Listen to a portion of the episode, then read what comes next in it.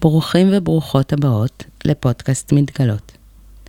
מתגלות בקהילה הוא פרויקט שנולד לפני שנתיים אצלי בלב, ומאז רץ בעשרות יישובים בכל הארץ.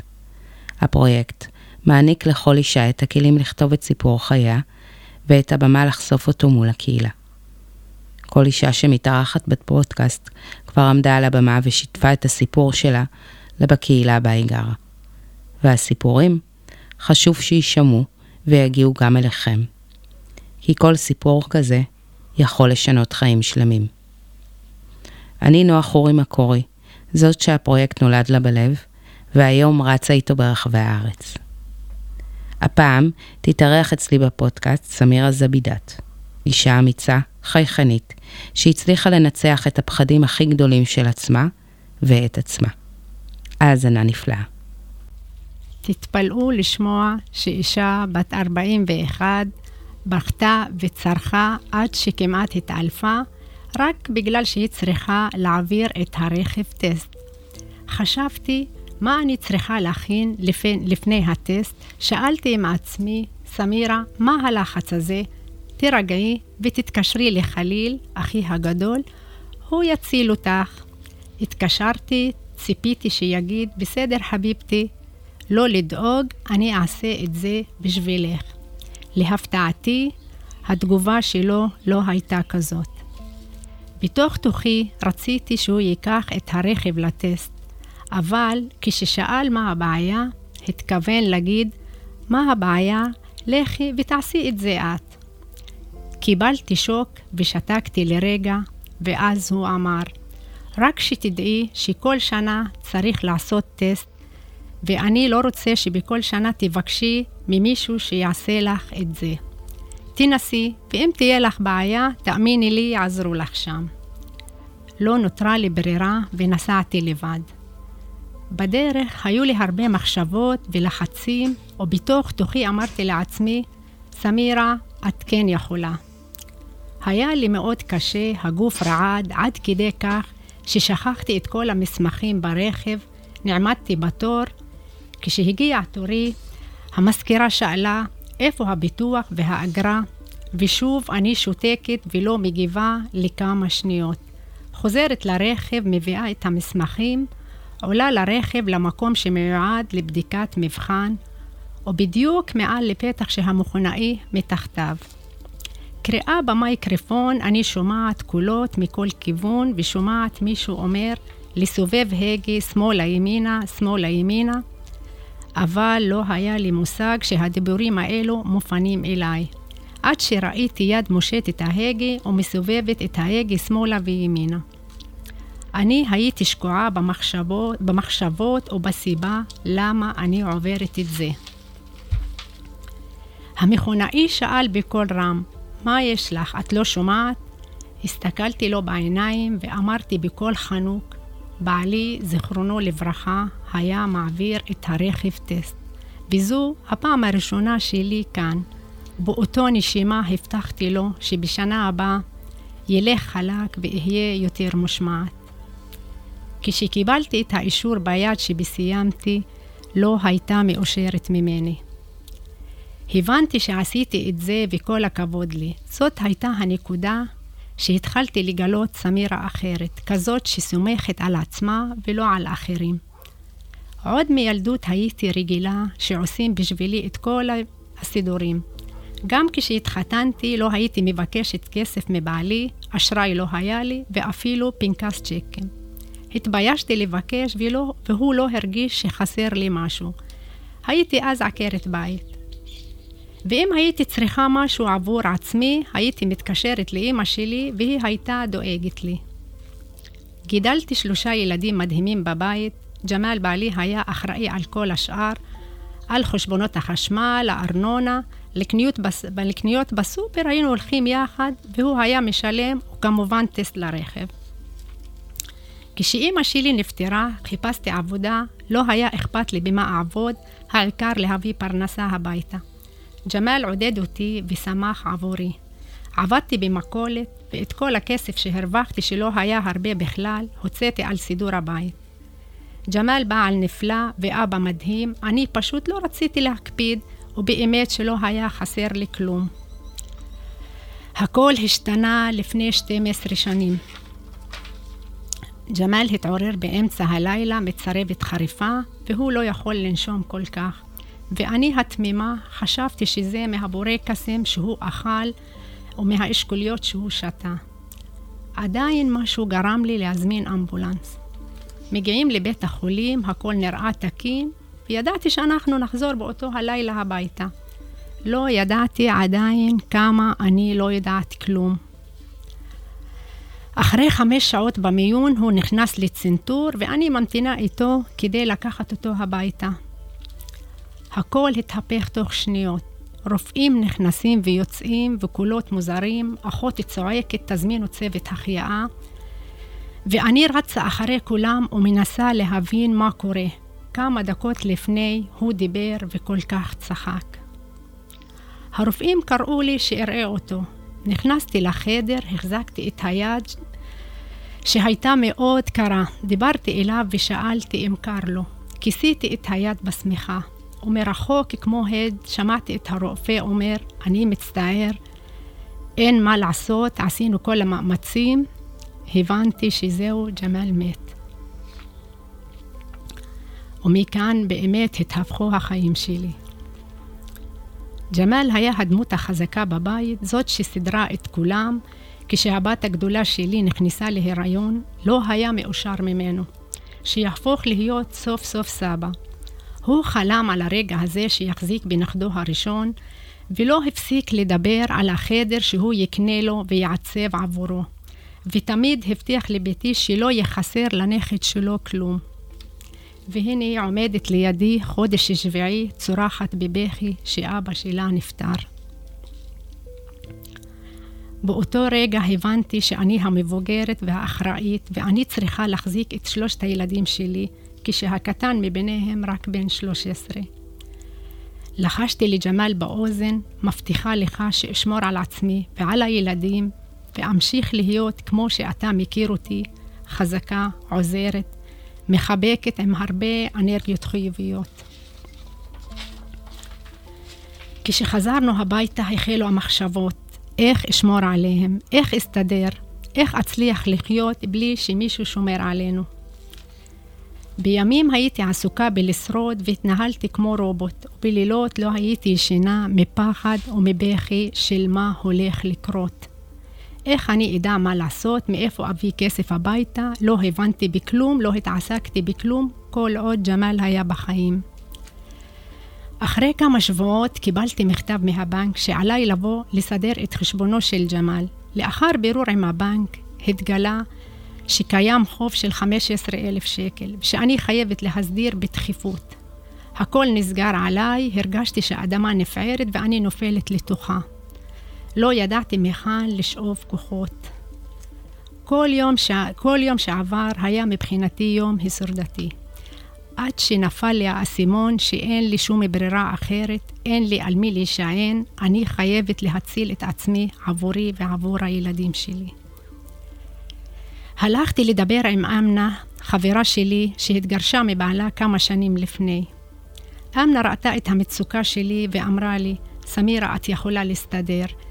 כששאלתי איך, המשיכה להרגיע וענתה לאט לאט, הכל יסתדר, והיא התחילה לתדרך אותי להסתדר מבחינה כלכלית, לתת לי עצות ושיטות לאיך להתחיל לעמוד על הרגליים.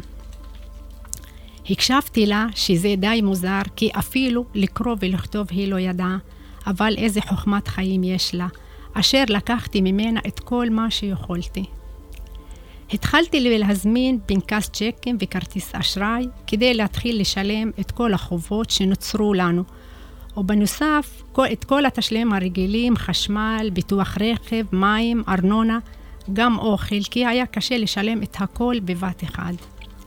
כשהיה חסר לי כסף, אמנה ליוותה לי, אבל באותו רגע שנתנה היא נקבע בתאריך שבו אני חייבת להחזיר לה את הכסף. ברגע ההוא כעסתי עליה, לא הבנתי למה היא מעמידה אותי במצב שאני צריכה להיות בלחץ להחזיר את הכסף.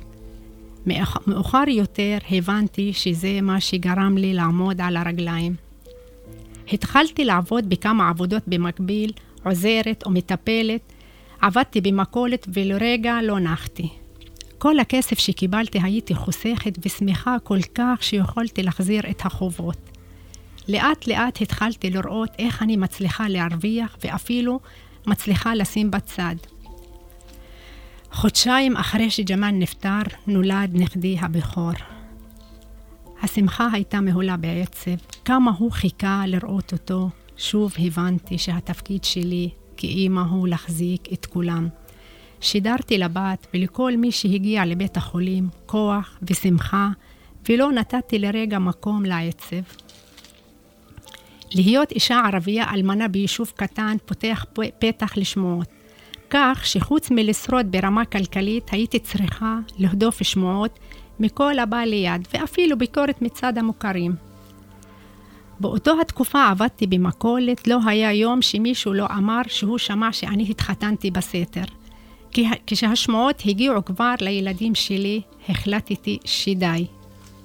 אני לא אשכח את הפנים של האישה שנכנסה אליי למכולת באותו היום, ושאלה אותי את השאלה, האם זה נכון שהתחתנת בסתר? אני הסתכלתי עליה, חייכתי, ליטפתי את הבטן שלי ואמרתי לה, בטח, אני גם בהיריון בחודש שלישי. אמרה, חס וחלילה. שאלתי, למה את אומרת חס וחלילה? אם התחתנתי בסוד, אז זה בטוח כתוב על ידי השייח. היא הורידה את הראש וברחה באותו רגע.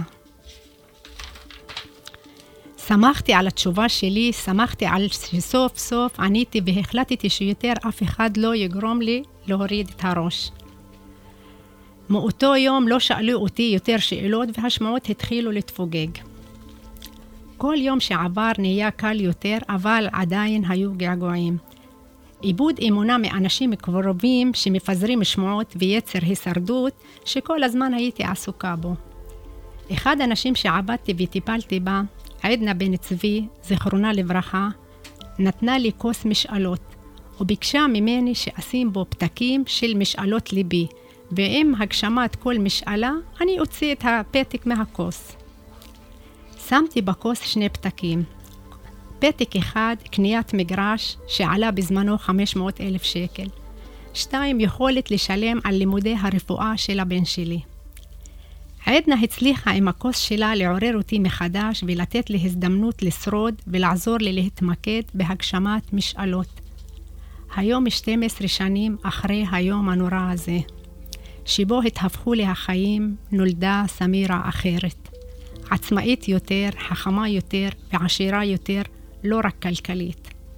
שני הפתקים שהיו בכוס כבר לא נמצאים שם. הבן שלי לומד שנה רביעית רפואה, ואני גאה בו כל כך ועוזרת במה ובכמה שאני יכולה. את הבת השנייה שלי חיתנתי והצלחתי לקנות לה את כל מה שהיה צריך לבית, כמו מוצרי חשמל, רהיטים ואפילו שטיחים וכלים למטבח. והיום היא אחרי שני תארים שגם עליהם אני שילמתי. ונודע לי בשבוע שעבר שהבת שלי קיבלה אות מחנכת השנה של ארגוני הילדים והנוער, והיא תקבל תעודת הוקרה מנשיא המדינה בטקס שיתקיים בירושלים. את המגרש שחלמתי עליו הצלחתי לקנות לפני שלוש שנים. אמנם ג'מאל לא השאיר לי צוואה או כסף, אבל הוא השאיר לי שלושה ילדים מדהימים, ואני יודעת שהצוואה שלי אליהם היא שבכוחי לעשות הכל והכל בידיים שלנו. אני סמירה היום בת 53, כבר לא אותה סמירה שהגיעה בפחד להעביר את הרכב טסט. היום אני יודעת שכוס המשאלות שלי יכולה להתמלא, ובכוחי ורק בכוחי האפשרות לרוקן אותה, כי היום אני יודעת إذا الحياة أعطتك سبب لتحزن فأعطها مئة سبب لتسعد שאם החיים נותנים לך סיבה להיות עצובה, תני לה מאה סיבות להיות מאושרת. כי רק בכוחנו לעשות את זה.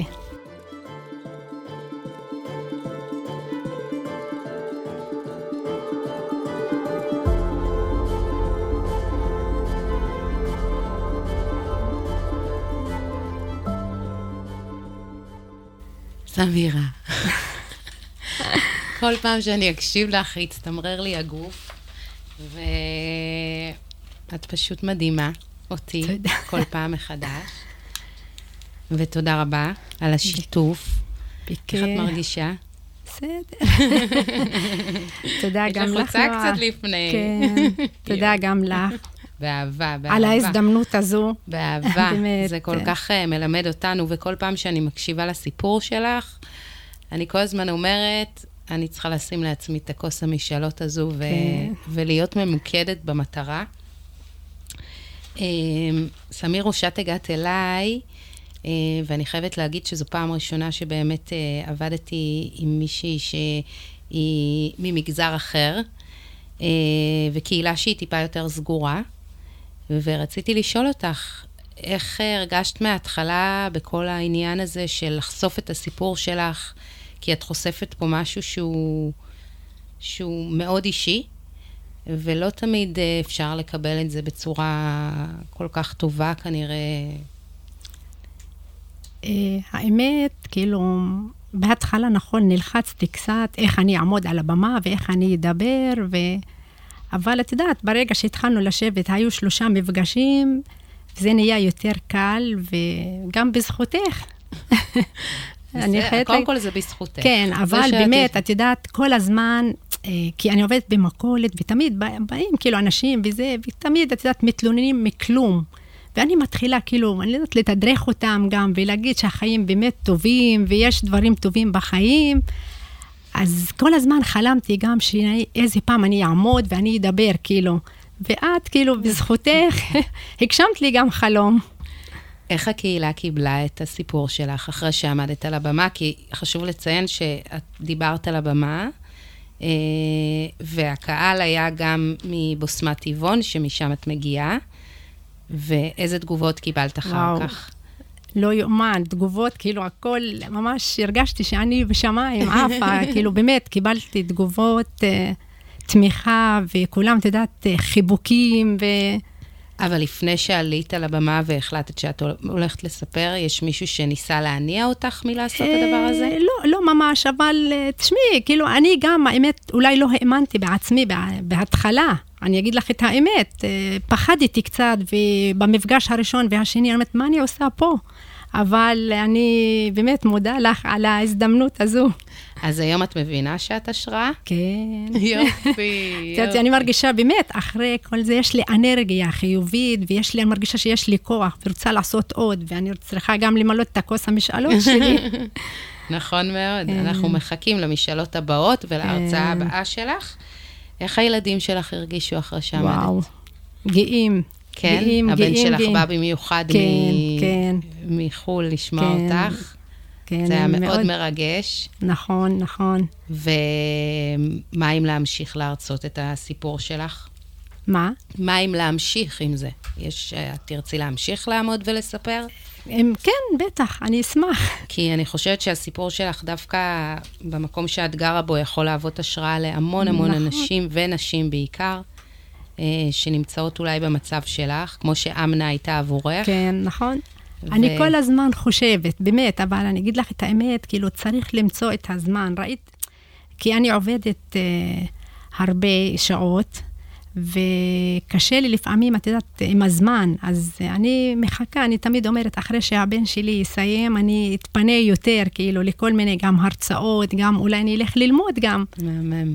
אני חושבת על בטוח. זה. לא, לא כאילו אולי, את יודעת, אבל עכשיו לפעמים יש עדיפויות בחיים, אז אה, נכון. מבחינתי עכשיו העדיפויות שלי שהבן שלי כאילו יסיים ולימודים, ואחר כך נתחיל בשלב הבא, במשאלה אחרת.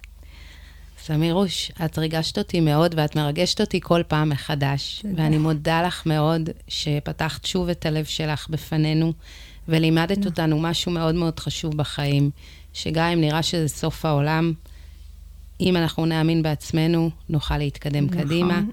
ושוב תודה, ותודה רבה שוב לנדב, שאירח אותנו פה אה, בסינפסות.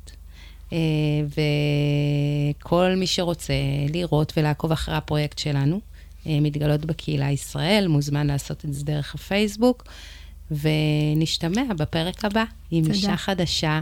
אה, שהיא גם השראה. תודה רבה רבה רבה, סמירוש. תודה גם תודה. לך, נועה, תודה. תודה. באמת תודה. וגם את, אם האזנת לנו, והתחלת לחשוב שאולי גם לך יש סיפור. אני מבטיחה לך שיש לך כזה, ואת יותר ממוזמנת לפנות אליי למייל שנמצא בתיאור הפרק. תודה רבה לכולם, ונשתמע.